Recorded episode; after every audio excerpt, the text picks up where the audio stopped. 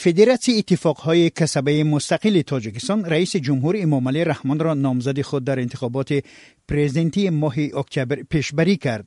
یک مسئول اتفاقهای کسبه ساحه معارف شهر دوشنبه برادی آزادی گفت این تصمیم را روز 26 اوگوست گرفتند. اتفاقهای کسبه در برابر اتفاق جوانان و حزبهای سیاسی حق پیشبری نامزد به منصب رئیس جمهوری تاجیکستان را دارد انتخابات 11 اکتبر برگزار می شود من میرزا نبی خالقزاد راجع به این موضوع گزارش بیشتر ارائه خواهم کرد. به این ترتیب امام علی رحمان نامزد پنجم است که برای اشتراک در انتخابات پیشنهاد شده است. در روزهای گذشته حزبای اگراری سوسیالیستی دموکراتی و اصلاحات اقتصادی با برگزاری انجمنهای خود رهبرانشان رستم لطیفزاده عبدالحلیم غفاروف سید جعفر عثمانزاده رستم رحمتزاده را نامزد به مقام پرزیدنتی پیشنهاد کردند.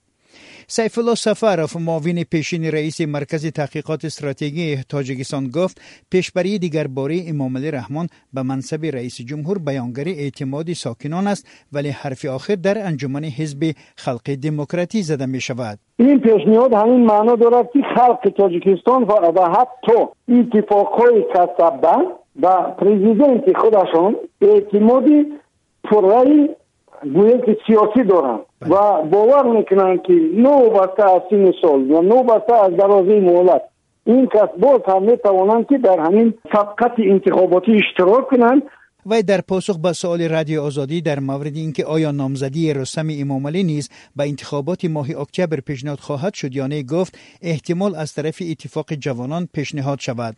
اگر رئیس سازمان راضی باشد مشکل نخواهد شد. با وجود این همه مردم در روز انتخابات نامزد شایسته خود را انتخاب خواهد کرد.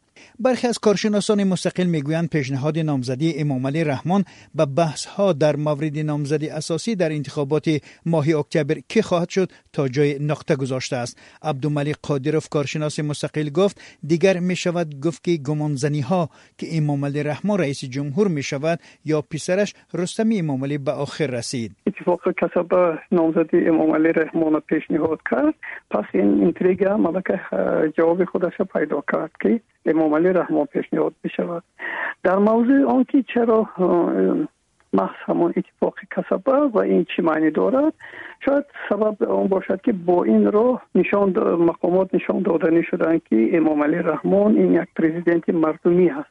نه از جانب حزب خلق دموکراتی نه از جانب یگان تشکیلات دیگر بلکه مخصوص محض از جانب اتفاق کسبه. ولی عین زمان افزود در تاجیکستان مسئله انتقال قدرت از پدر به پسر نهایی شده است و در صورت پیش آمدن دیگرگونی رستم امامعلی همچون رئیس مجلس ملی و شخص دوم جمهوری می تواند مسئولیت را بر دوش گیرد.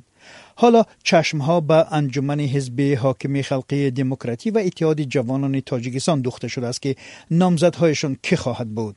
حزب حاکم خلقی دموکراتی و حزب کمونیست میگن انجمنهای خود را در هفته اول ماه سپتامبر برگزار می کنند.